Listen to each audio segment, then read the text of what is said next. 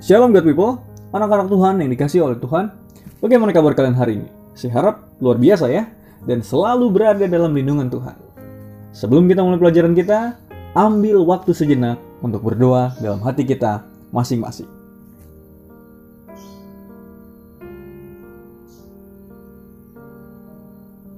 Amin. Baik, seperti yang sudah saya sampaikan, bahwa pelajaran kita untuk satu tahun ini punya tema bertumbuh menjadi dewasa. Dan untuk pelajaran kita yang pertama, bab yang pertama, judulnya adalah bertumbuh dan semakin berhikmat. Ayat inti yang akan kita pelajari pada hari ini adalah 1 Samuel 3 ayat 19, 1 Samuel 2 ayat 26, dan 1 Korintus 3 ayat 1 sampai 9. Nah, kita mulai dengan sebuah kalimat yang disampaikan oleh Chili Davis. Dia adalah seorang pelatih baseball di Amerika Serikat. Dia pernah mengatakan seperti ini. Dalam bahasa Inggrisnya adalah growing old is mandatory. Growing up is optional. Dan apabila diterjemahkan ke dalam bahasa Indonesia, maka seperti ini. Bertambah umur sudah seharusnya terjadi, namun menjadi dewasa adalah pilihan. Maksudnya adalah bahwa setiap orang sudah pasti bertambah usianya, sudah pasti bertambah umurnya. Itu secara otomatis terjadi, terus berjalan. Tetapi untuk menjadi dewasa itu adalah pilihan. Ya, sehingga setiap orang sudah pasti semakin tua tetapi belum tentu menjadi dewasa. Tua adalah kepastian, sedangkan dewasa adalah pilihan. Abraham Lincoln, Presiden Amerika Serikat, dia pernah katakan seperti ini. Yang penting bukanlah tahun-tahun di dalam hidupmu, melainkan hidup yang kamu jalani di dalam tahun-tahun usiamu itu. Ya, artinya yang penting bukanlah hari-hari itu, tahun-tahun itu, waktunya tidak penting. Yang paling penting bagaimana mempergunakan waktu itu dengan baik. Karena setiap orang akan terus bertambah tahunnya, terus bertambah umurnya. Tetapi yang paling penting adalah tentang apa yang dilakukan oleh kita di dalam menjalani tahun-tahun yang kita lalui. Nah, ada sebuah cerita yang dialami oleh Tony Harding. Dia adalah seorang peserta untuk perlombaan ice skating. Jadi saat itu dia mengikuti perlombaan ice skating. Dan dia mempunyai lawan perlombaan yaitu Nancy Kerrigan. Nah, tetapi suatu hari akhirnya dia ketahuan bahwa dia melakukan kecurangan terhadap lawannya itu.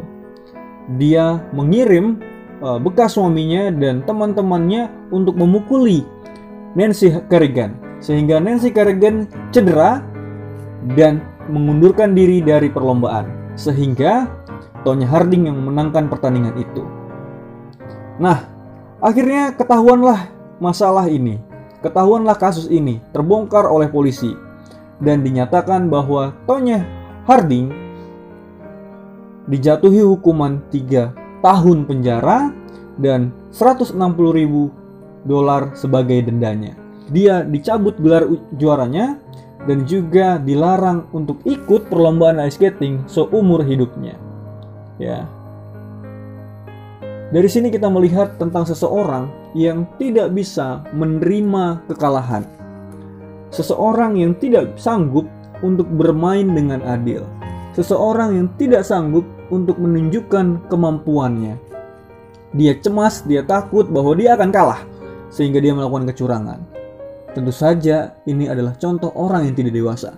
Orang yang tidak sanggup untuk bermain dengan adil.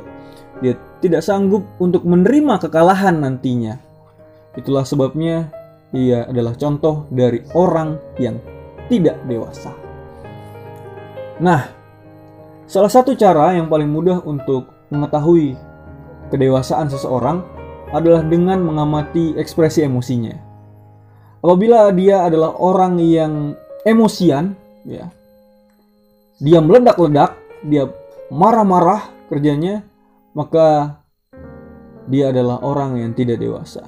Dia tidak sanggup menahan amarahnya, dia tidak sanggup menahan uh, kemarahan yang ada dalam hatinya. Ya, emosi biasanya akan kelihatan dari uh, bahasa tubuh, dari suara, dari uh, mimik mukanya, dan bahkan intonasi suaranya. Ya. Sehingga akan ketahuan apakah dia sedang marah, meledak-ledak. Nah, emosi marah biasanya dimunculkan dengan wajahnya memerah, nafasnya menjadi sesak, otot-otot tangan menjadi menegang, dan energi tubuhnya memuncak. Sedangkan emosi takut, mukanya menjadi pucat, dan jantungnya berdebar-debar. Ya, di dalam Alkitab ada sebuah contoh yang menceritakan bagaimana seseorang yang dewasa.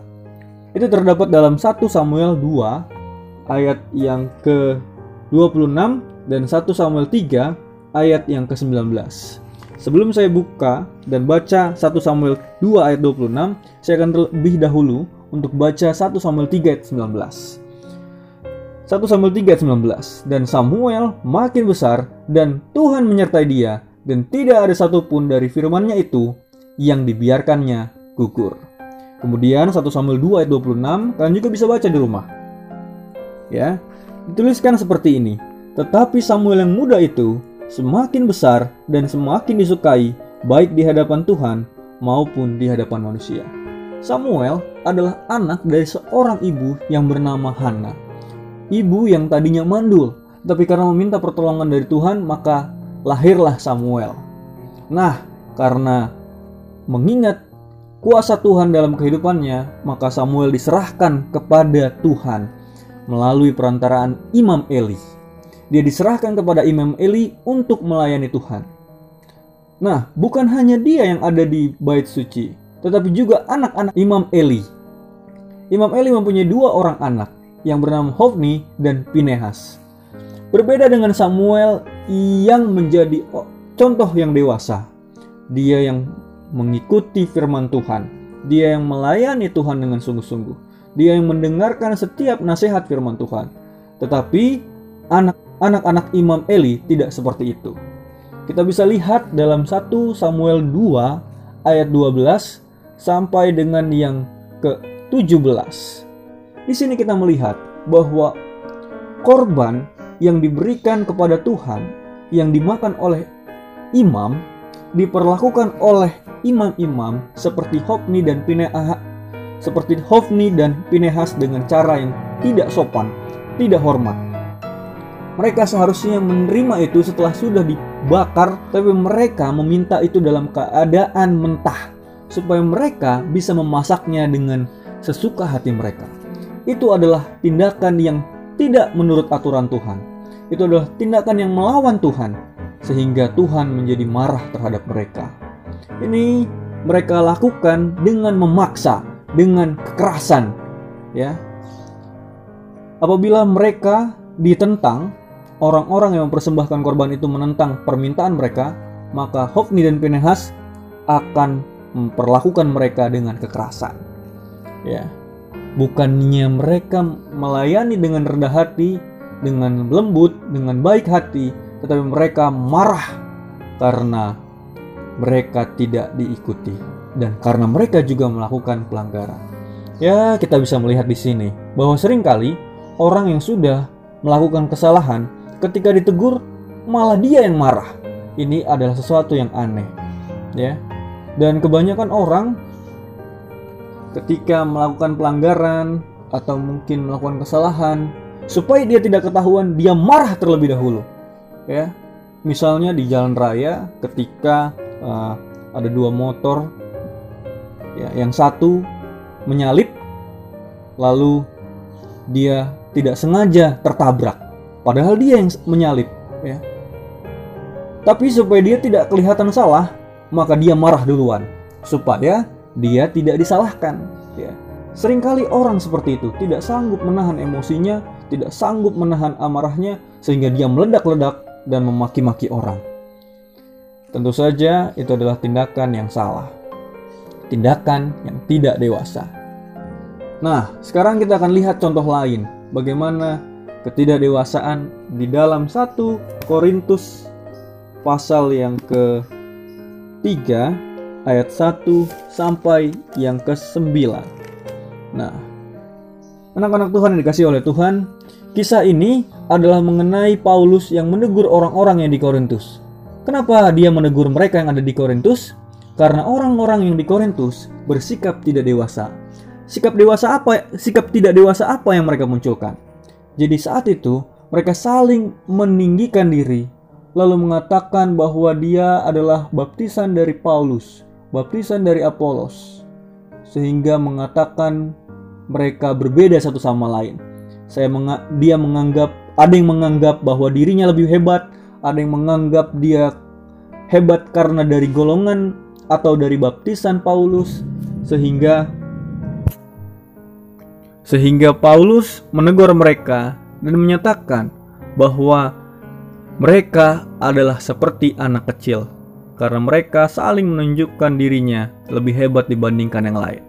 Suka membuat hal-hal remeh menjadi bahan perselisihan lebih suka berkelahi satu sama lain dibandingkan dengan berdamai satu sama lain. Ya. Nah, sekarang ayat terakhir yang akan kita bahas adalah Amsal 2 ayat 6. Dituliskan sebagai berikut. Dituliskan sebagai berikut. Karena Tuhanlah yang memberikan hikmat, dari mulutnya lah datang pengetahuan dan kepandaian. Menurut sini kita mengetahui bahwa hikmat dan pengetahuan juga kepandaian semuanya berasal dari Tuhan. Kedewasaan kita dalam berhikmat, dalam bertindak itu berasal dari Tuhan. Ya, berarti kita butuh pertolongan Tuhan untuk mendewasakan kita. Nah, catatlah ayat-ayat yang sudah saya sampaikan tadi dan kemudian kirimlah ke Google Classroom. Selain daripada itu, ada beberapa pertanyaan yang kamu bisa jawab dengan pendapatmu pribadi mengenai pertanyaan-pertanyaan situasi. Situasi yang pertama, misalnya, temanmu meminta contekan dan gurumu mengetahuinya. Kamu dihukum guru, sementara temanmu tidak. Bagaimana reaksimu? Itu yang pertama. Yang kedua, kamu ditegur oleh temanmu karena berpacaran dengan orang yang tidak disukai temanmu itu. Bagaimana reaksimu? Itu pertanyaan yang kedua. Pertanyaan yang ketiga, kamu tidak ikut dalam kerja kelompok, tetapi karena guru kamu tidak tahu, maka ia memberikan nilai yang sama untuk kamu dengan anggota kelompok yang lain. Bagaimana reaksimu? Itu pertanyaan yang ketiga. Pertanyaan keempat, ada seorang teman kamu yang kamu anggap suka sekali membantah pernyataanmu, sehingga membuat kamu kesal. Bagaimana reaksimu? Baik, setelah kamu mengerjakannya, kirimlah ke Google Classroom supaya mendapatkan nilai. Oke, itu saja pelajaran kita, dan kita akan tutup dengan berdoa. Kita berdoa, Bapa kami di surga, terima kasih Tuhan untuk pelajaran yang sudah kami dengarkan. Biarlah kami sebagai anak-anak Tuhan boleh bertumbuh menjadi lebih dewasa. Terima kasih Tuhan, kami berdoa di dalam nama Kristus Yesus Tuhan dan Juru Selamat kami. Amin. Sampai di sini pelajaran kita, Tuhan Yesus memberkati.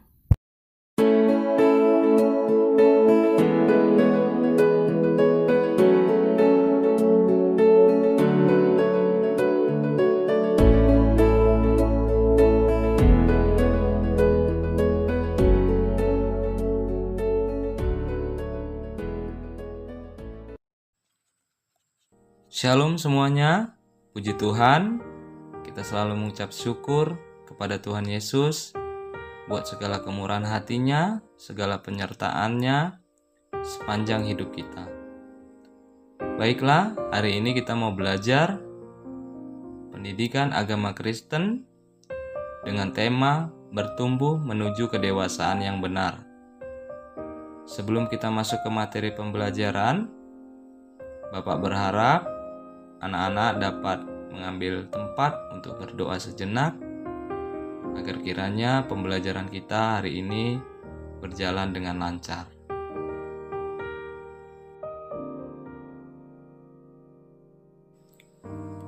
Baiklah, kita masuk ke dalam pembelajaran kita.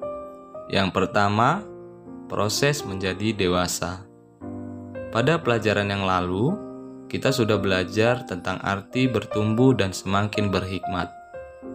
Kita juga sudah tahu bahwa yang penting dalam pertumbuhan itu bukan semata-mata pertumbuhan fisik saja, melainkan kematangan bersikap dan berperilaku dalam menghadapi berbagai persoalan dalam hidup. Jadi, orang yang matang pribadi serta jiwanya mesti tahu apa yang baik dan yang buruk. Orang yang matang pribadinya juga akan berpikir matang-matang sebelum mengambil keputusan. Tidak mudah terpengaruh oleh oleh orang lain dan juga tidak mementingkan diri sendiri melainkan lebih mementingkan orang lain. Yang kedua yaitu kedewasaan penuh menurut Alkitab. Dalam surat Efesus yang menjadi dasar materi kita kali ini, mengatakan bahwa Rasul Paulus mengingatkan jemaat di kota itu bahwa Yesus Kristus telah menyediakan pemimpin-pemimpin umat seperti rasul, nabi, pemberita Injil, gembala, pengajar, dan lain-lain. Untuk menolong umat Kristen agar diperlengkapi untuk melayani Tuhan. Orang Kristen juga sering kali menghadapi masalah berupa ajaran-ajaran palsu manusia dan berupaya menyesatkan. Banyak orang yang berusaha untuk mengalihkan perhatian dan iman percaya orang Kristen dari Yesus Kristus. Tertulis dalam 2 Petrus 2 ayat yang pertama dan surat 1 Yohanes 4 ayat yang pertama mengatakan bahwa adanya peringatan tentang guru-guru dan nabi-nabi palsu dan mereka berusaha membuat orang Kristen menyangkal Yesus Kristus yang telah menebus mereka. Seorang Kristen yang dewasa tidak akan mudah digoyahkan oleh ajaran-ajaran seperti itu. Mari kita lihat bagaimana ajaran-ajaran palsu seperti itu. Yang pertama yaitu The Family International The Family International lebih dikenal dengan nama Children of God atau anak-anak Allah atau disingkat dengan COG. Kelompok ini didirikan di Amerika Serikat oleh David Brandberg yang kemudian mengubah namanya menjadi Moses David. Pada tahun 1974, Moses David memperkenalkan metode untuk mencari anggota baru dengan menggunakan cara seks sebagai daya tariknya. Mereka mendorong perempuan anggota children anggota Children of God untuk melakukan hubungan seks dengan orang-orang yang dianggap bisa diharapkan menjadi anggota baru. Metode ini akhirnya menghasilkan banyak anak di luar nikah di kalangan kelompok ini. Jelas, perlakuan seperti ini sangat bertolak belakang dengan ajaran Kristen. Kelompok Children of God juga pernah bertumbuh di Indonesia. Tetapi entah bagaimana sekarang, apakah masih ada atau tidak, kita tidak tahu. Namun, yang sangat penting bagi kita yaitu untuk selalu bersikap waspada terhadap kelompok-kelompok yang seperti ini yang menyebarkan ajaran-ajaran palsu. Yang kedua, ajaran hipergrace. Ajaran hipergrace atau dikenal dengan kasih karunia dikembangkan dan dipopulerkan oleh Joseph Prince di Singapura. Dalam pemahaman hipergrace, manusia tidak perlu mengakui dosanya dan memohon ampun pada Allah karena Yesus Kristus sudah datang dan menebus dosa manusia. Manusia tidak lagi dianggap bertanggung jawab atas dosa-dosanya. Jelas, ajaran ini sangat bertentangan dengan isi Alkitab yang mengatakan bahwa semua manusia itu berdosa.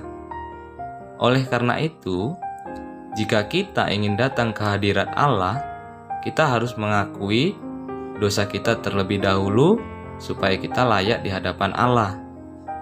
Jadi, walaupun Tuhan Yesus telah menebus dosa manusia, manusia juga perlu mengakui dosanya serta memohon pengampunan Allah dan tiap orang bertanggung jawab atas dosa-dosanya.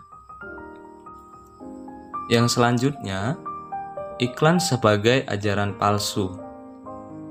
Di dunia sekarang ini, periklanan memiliki peranan penting dalam bisnis. Iklan digunakan untuk mempromosikan barang-barang yang akan dijual. Tujuannya adalah memperkenalkan produk-produk tersebut dan membuat orang tertarik untuk membelinya. Namun, kenyataannya ada kalanya iklan yang dibuat itu tidak menggambarkan isi dari produk yang sesungguhnya, malah menyesatkan. Apa yang dijanjikan oleh iklan-iklan tersebut menggambarkan sebagai janji-janji palsu. Misalnya, kaum perempuan dianjurkan untuk membeli sejenis krim yang membuat wajah menjadi putih dan bersih. Terkadang, krim-krim itu malah mengandung bahan-bahan yang berbahaya yang bisa menyebabkan kerusakan pada kulit. Jadi, kita semakin tumbuh menjadi dewasa, harus lebih jeli lagi saat membeli barang-barang lewat iklan yang hanya menjanjikan sesuatu. Tetapi pada akhirnya bisa merugikan diri kita sendiri. Selanjutnya, kekayaan dan sukses dengan jalan pintas. Pada zaman sekarang ini, banyak sekali yang percaya dengan ajaran palsu yang mengatakan sukses dapat dicapai dengan jalan singkat, dengan secara instan, dan lain sebagainya. Saat ini, banyak kita lihat orang ingin sukses melakukan segala cara yang tidak dikehendaki oleh Tuhan. Misalnya, lewat korupsi, lewat berjualan narkoba, bahkan sampai jual diri. Apa yang kita lihat sejauh ini Ajaran-ajaran palsu itu bukan sekedar ajaran agama saja, namun berlaku secara luas di masyarakat. Karena Tuhan Yesus sendiri pernah mengatakan, manusia hidup bukan dari roti saja, tetapi setiap firman yang keluar dari mulut Allah. Tertulis dalam Matius 4 ayat 4. Hidup kita juga tidak boleh dijadikan dangkal dengan sekedar memenuhi kebutuhan materi, dan mencari kekayaan semata, karena tidak ada sesuatu yang didapat dengan secara singkat, melainkan melalui kerja keras serta doa yang selalu kita panjatkan kepada Tuhan Yesus, agar semuanya ditambahkan bagi kita. Yang selanjutnya, kedewasaan penuh dalam hubungan dengan orang lain. Sebagai contoh, hubungan dengan orang lain, Yesus pernah makan di tempat-tempat sederhana. Ia pernah diundang Simon, seorang Farisi yang kaya, untuk makan di rumahnya. Lukas 7 ayat 36 sampai 50. Namun di di sisi lain, Tuhan Yesus juga pernah duduk dan makan di antara para pemungut cukai dan orang-orang yang berdosa. Markus 2 ayat 13 sampai 16. Dengan kata lain, Tuhan Yesus tidak membeda-bedakan orang. Bahkan sebaliknya, ia berusaha mendekatkan diri dengan orang-orang yang disingkirkan oleh masyarakat, supaya mereka bisa diterima lagi oleh masyarakat dan hidup seperti banyak orang lainnya. Orang yang dewasa serta matang pribadinya pasti tidak akan canggung melakukan hal yang seperti dilakukan oleh Tuhan Yesus, yang tanpa membedakan kasta dalam bergaul atau bermasyarakat. Kedewasaan seperti inilah yang diinginkan oleh Tuhan buat kita anak-anaknya. Baiklah, pembelajaran kita hari ini sampai di sini dulu. Kesimpulan dari materi yang Bapak jelaskan, kedewasaan yang benar yang mestinya terjadi pada hidup kita masing-masing adalah sikap hidup yang tidak mudah diombang-ambingkan oleh pendapat orang-orang di sekitar kita. Kedewasaan yang benar itu mestinya tampak dalam kemampuan kita ketika kita diperhadapkan dengan berbagai ajaran, pemikiran, filosofi, bahkan juga iklan-iklan yang mengajarkan sukses, keberhasilan, kekayaan, kemasyuran yang mudah dengan jalan pintas. Alkitab justru mengajarkan yang sebaliknya. Kedewasaan yang benar adalah kedewasaan yang berprinsip yang didasarkan pada firman Tuhan. Baik, pembelajaran kita sampai di sini dulu. Sampai jumpa dalam pertemuan selanjutnya. Shalom, Tuhan Yesus memberkati.